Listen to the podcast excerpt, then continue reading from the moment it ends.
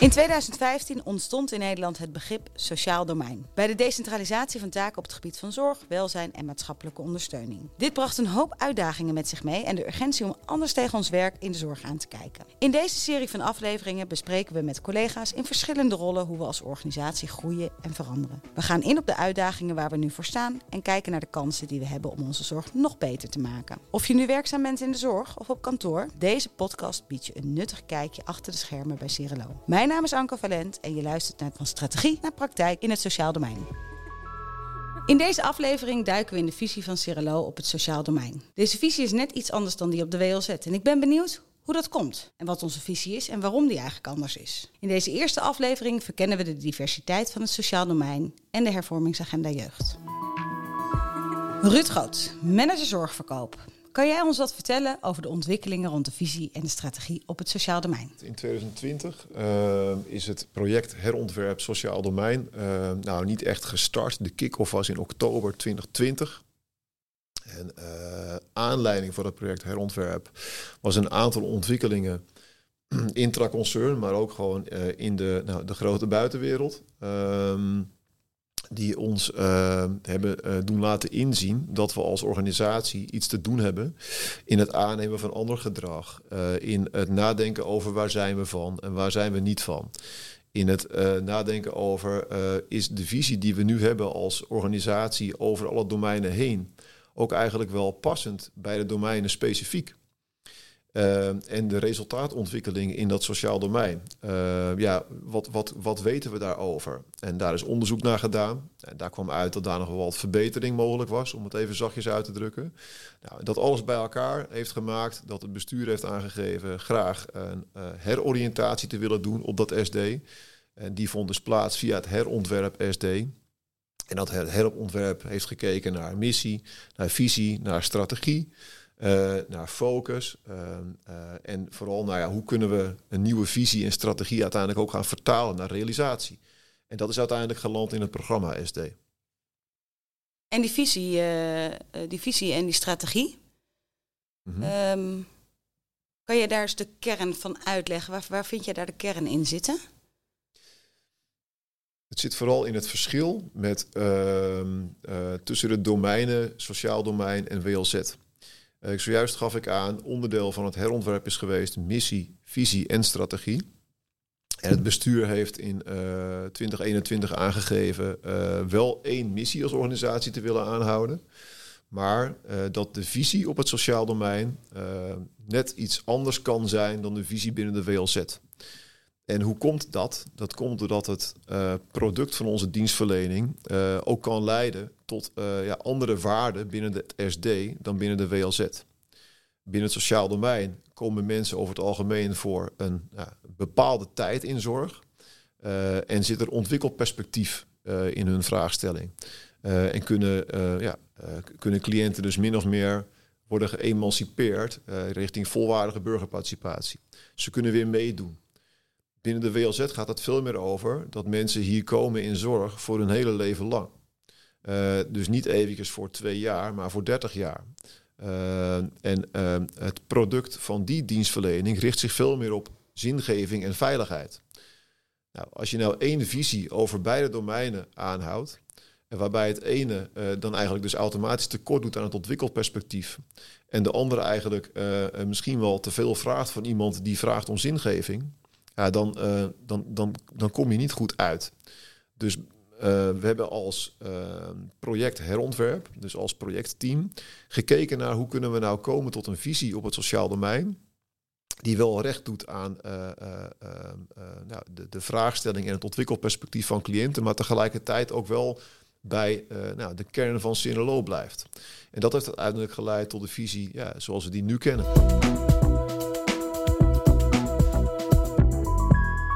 Ageet Ouwehand, lid van de Raad van Bestuur. Ik ben benieuwd, hoe kunnen medewerkers hier invloed op uitoefenen?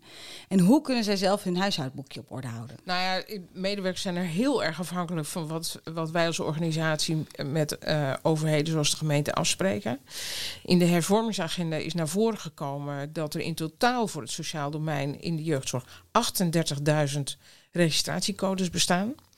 Dat zijn er waanzinnig veel Terwijl als je kijkt naar waar ze over gaan, dat er niet 38.000 vormen van dienstverlening bestaan.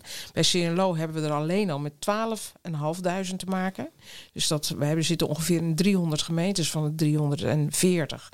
Dus wij maken heel erg mee en we kunnen ook veel vertellen over al die codes en hoe we dat dat niet goed ingeregeld is, dat er geen uniforme of geharmoniseerde bedrijfsvoering is. Dus dat is waanzinnig veel werk.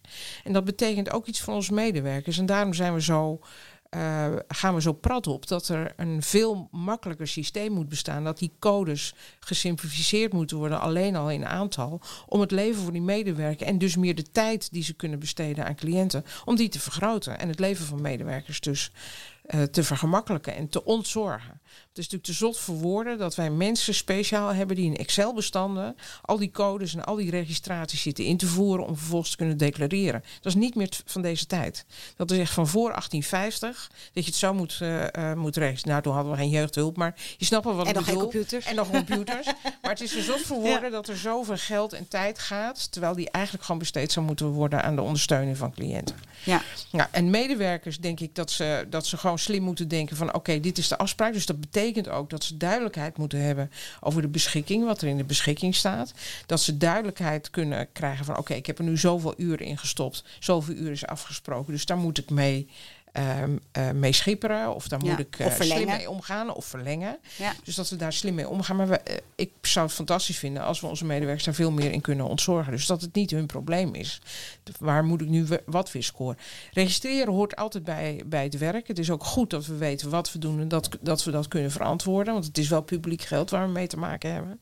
Maar de ingewikkeldheid op het ogenblik daarvan is waanzinnig. Dus dat moet echt versimpeld worden.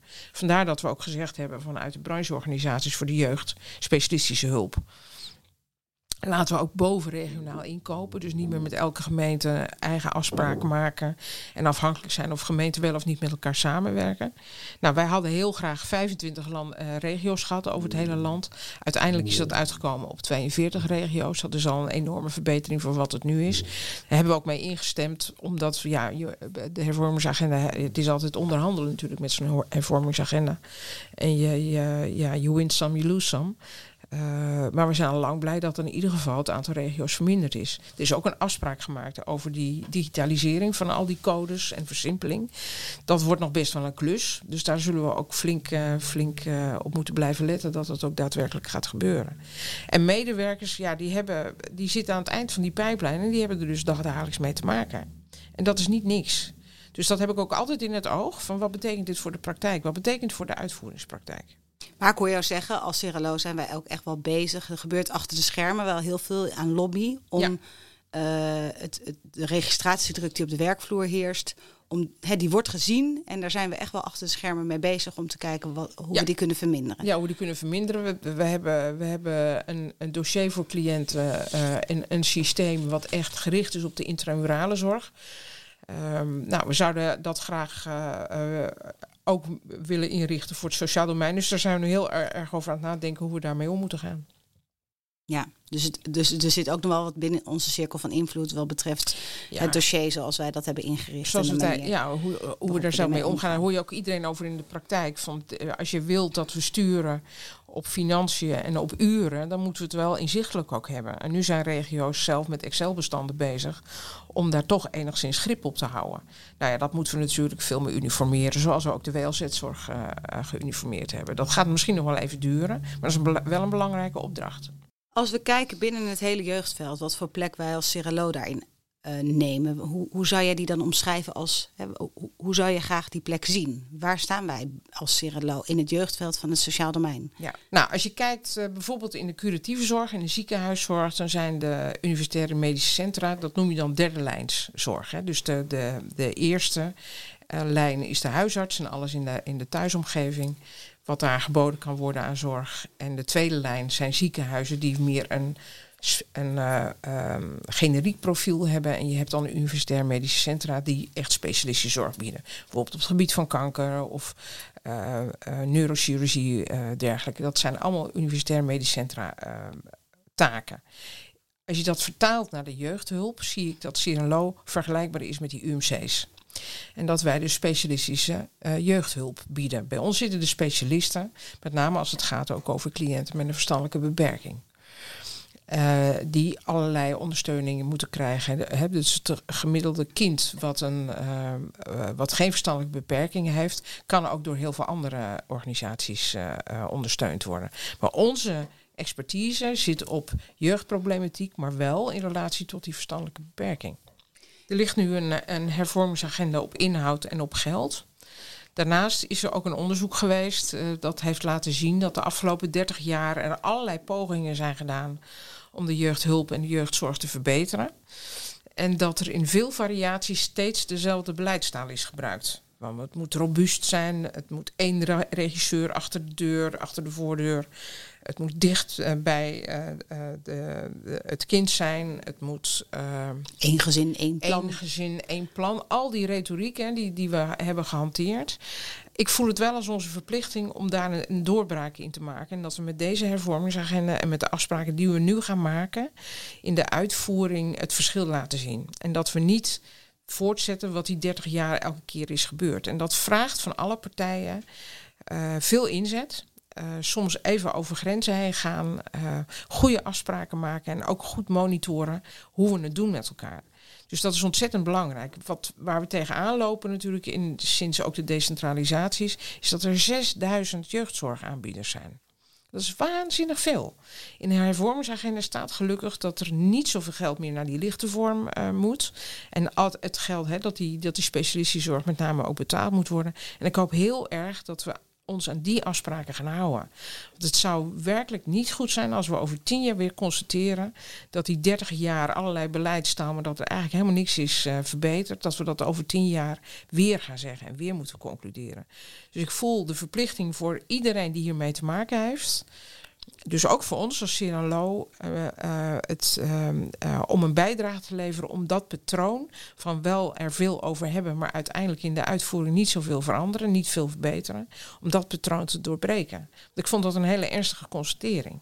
En wat kunnen medewerkers daarin anders doen? Of hoe kunnen zij, nou eigenlijk practice what we preach doen? Hè? Ja. Nou ja, ik denk dat medewerkers, als je in de praktijk gaat kijken, dat, dat, dat er echt heel erg veel goede dingen gebeuren. Maar dat juist die beleidsmakers, de afspraken die we maken, financieel en wat we te doen hebben, dat dat niet op die tafel ligt. Dat medewerkers moeten vooral blijven doen, hun expertise inzetten, wat ze ook al doen. Die doen dat gewoon hartstikke goed. Maar wij moeten juist als beleidsmakers veel meer naar die leefwereld kijken. Veel meer wat daar nodig is en het daarop organiseren. Onze medewerkers zijn de experts erin. Dat ben ik niet, hè. Ik moet heel erg luisteren naar wat er in die leefwereld gebeurt gebeurt om de goede afspraken te kunnen maken, juist met beleidsmakers en met Den Haag en met alle gemeentes. En dus de, de connectie tussen en de ideeën die de leefwereld heeft en die ervaringen, die moeten we veel meer bepalend laten zijn in het beleid. In plaats van hoog over allerlei beleidstaal te gebruiken die die medewerker helemaal niet herkent. En in, in, in, in Nederland lezen we uh, bijna dagdagelijks in de krant dat het niet goed gaat met jeugdhulp. Dat we er veel te veel geld aan uitgeven. Ja.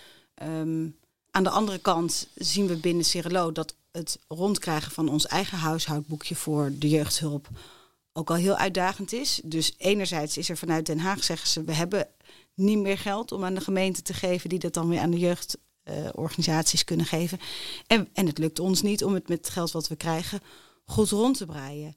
Dat klinkt als een. Uh, soort impasse. Wat, wat, ja. uh, hoe, hoe, moeten we dat oplossen? Nou ja, daar, de hervormingsagenda uh, uh, gaat er ook over. Namelijk dat iedereen wel ziet dat, um, dat geld een probleem is. Er zijn ook allerlei afspraken gemaakt om de oorspronkelijke bezuinigingen, bezuinigingen wat verder in de toekomst te laten plaatsvinden. En niet op de korte termijn. Want ik denk dat er een soort omwenteling ook bij gemeentes nodig is. Om vragen die misschien in het gewone leven, in het onderwijs en op een andere manier kunnen worden aangevlogen. En niet specifiek door de jeugdhulp één op één met zo'n kind. Um, uh, daar gaat nu heel veel geld naartoe, in die lichte vormen uh, van zorg. Dat iedereen die een jeugdhulporganisatie wil starten, kan dat al heel snel. Die bepalingen zijn helemaal niet zo groot. Terwijl het ook maar de vraag is: gaat dit daadwerkelijk bijdragen aan een oplossing van wat een kind meemaakt? Dus dat een soort bewezen behandeling, nou ja, wat je ook bewezen noemt, in ieder geval best practice of evidence-based, dat, dat, maakt mij niet eens zoveel uit, maar dat in ieder geval wel een bepaalde uitspraak gedaan worden, kan worden over het aanbod wat gedaan kan worden, dat dat ook daadwerkelijk werkt. Want dat is totaal ontspoord. Allerlei indicaties om met vakantie te gaan naar de Ardennen met een uh, begeleider die dan zichzelf je jeugdhulporganisatie noemt, dat kan hè, tegenwoordig. Er worden zelfs advertenties voor geplaatst van heb je als, heb je als jeugd heb je iets? Nou, dan zorgen wij wel voor de indicatie en dan komt er geld om naar de Ardennen te gaan. Daar hebben we voorbeelden van gezien. Dat is allemaal publiek geld wat we daarin stoppen, waarvan ik echt vind dat we de vraag moeten stellen is daar het publieke geld eigenlijk wel voor? Moeten we dat niet op een andere manier oplossen dan via indicaties en die verleiding die er dan kennelijk is om dat gefinancierd te krijgen vanuit het jeugdhulpbudget? Nou, dat zijn zaken uh, die gaan nu denk ik door die hervormingsagenda veel meer aangepakt worden. Dat daar waar echt jeugdhulp nodig is, waar die specialistisch is, dat daar ook het geld voor wordt gebruikt. En niet voor allerlei lichte vormen van hulp vragen en dat gelijk professionaliseren. Laten we eerst eens kijken of dat niet op een andere manier opgelost kan worden. Binnen de setting waar een kind woont, binnen de buurt waar een kind woont. Uh, uh, de gezinsproblematiek er is, waar het kind misschien de dupe van is, maar dat het eigenlijk een hulpvraag van de ouders is. Uh, in de wijk kan er van alles gebeuren met wijknieuws. Dus gewone reguliere zaken die we allemaal in het leven tegenkomen. Esther Hageman, je bent manager zorg in Oost-Nederland. Hoe, hoe zie jij dat? Hoe voorkomen we dat we afgeleiden naar niet-specialistische zorg? Ja, dat, eh, eh, volgens mij moeten we alles inzetten om het niet naar de specialistische zorg te zetten. Dat is wel een van mijn, van mijn drijven, zeg maar. Om het niet groter te maken en meer te problematiseren dan het is. Maar dan heb je wel, nou ja, als je het hebt over de driehoekwerk, dan is de driehoekwerken met de gemeente, de, de toewijzing vanuit de gemeente of de voogd is gewoon super belangrijk met Cerelo en met, met de, de, de hulpvragende. Dat is gewoon super belangrijk. Dat je ook in die driehoek gewoon heel goed werkt, de rollen duidelijk hebt, verantwoordelijkheden duidelijk hebt en ook regelmatig evalueert. Zijn we nog met het juiste bezig? En wat ik heel belangrijk vind, de kleine successen die er wel zijn, blijf die benoemen. Niet van wat is, gaat er altijd fout of wat is het probleem, maar blijf die kleine successen vieren. Kijk naar wat er wel goed is en wat er wel kan en waar ze wel goed in zijn en wat wel mogelijk is. En het hoeft geen tien te zijn. Zes min is soms goed genoeg. Ja, precies. Als daarmee de kinderen niet uit huis geplaatst worden, is een zes min, zes min prima. Ja, precies. Voor, eh, misschien zijn jouw normen en waarden dan net weer iets anders dan jij thuis doet. Maar is het erg als het een zes min is? Nee. Ik denk dat wij het soms veel te snel niet goed genoeg vinden. Maar wanneer is het goed genoeg? Dat is een mooie vraag om dat uh, ja, continu te stellen. En wanneer is het goed genoeg? Ja, precies. Hoor ik jou nou net zeggen, ik, uh, we moeten niet een specialistisch partij willen zijn? Of, of begreep ik ja, dat maar, verkeerd? Maar, we, we, we zijn, niet zo willen noemen? Nee, maar we, wij zijn al specialistisch. Met, uh, vanuit LVB, VG zijn wij al specialist. En we zijn heel goed in gedrag. En om, om dat ook daar wat mee te doen. Dus wij zijn al de specialist. Maar ik bedoel eigenlijk niet specialist dat je het nog complexer maakt in het gezin, waardoor het opgeschaald moet worden. Ik probeer het eigenlijk zo te normaliseren. Je zegt dus als we in een gezin komen met een complexe zorgvraag, komen wij daar met onze specialistische kennis binnen. Uh, dan moeten we het niet groter maken, maar moeten we juist proberen hoe is een 6 min, zoals je net zei. Goed genoeg. Goed genoeg. Ja, en de gewoon normaliseren. Ja. Niet problematiseren, maar normaliseren. En wat gaat er wel goed? Wat gaat er wel goed? Ja. En, en, en dat, is, en dat is echt ons specialisme. Daar zijn wij echt goed in. Ja. Er wordt ook heel vaak gewoon gevraagd. Want je, wat je wel ziet, je ziet echt behandelingsverlegenheid bij uh, verslavingszorg, GGZ, als het om VG-LVB gaat. Dan zie je, dat vinden ze echt lastig om daarmee om te gaan. Hoe, hoe zit die verwerking bij VG-LVB? Hoe werkt dat bij hun? Ja, soms is de herhaling daar de kracht.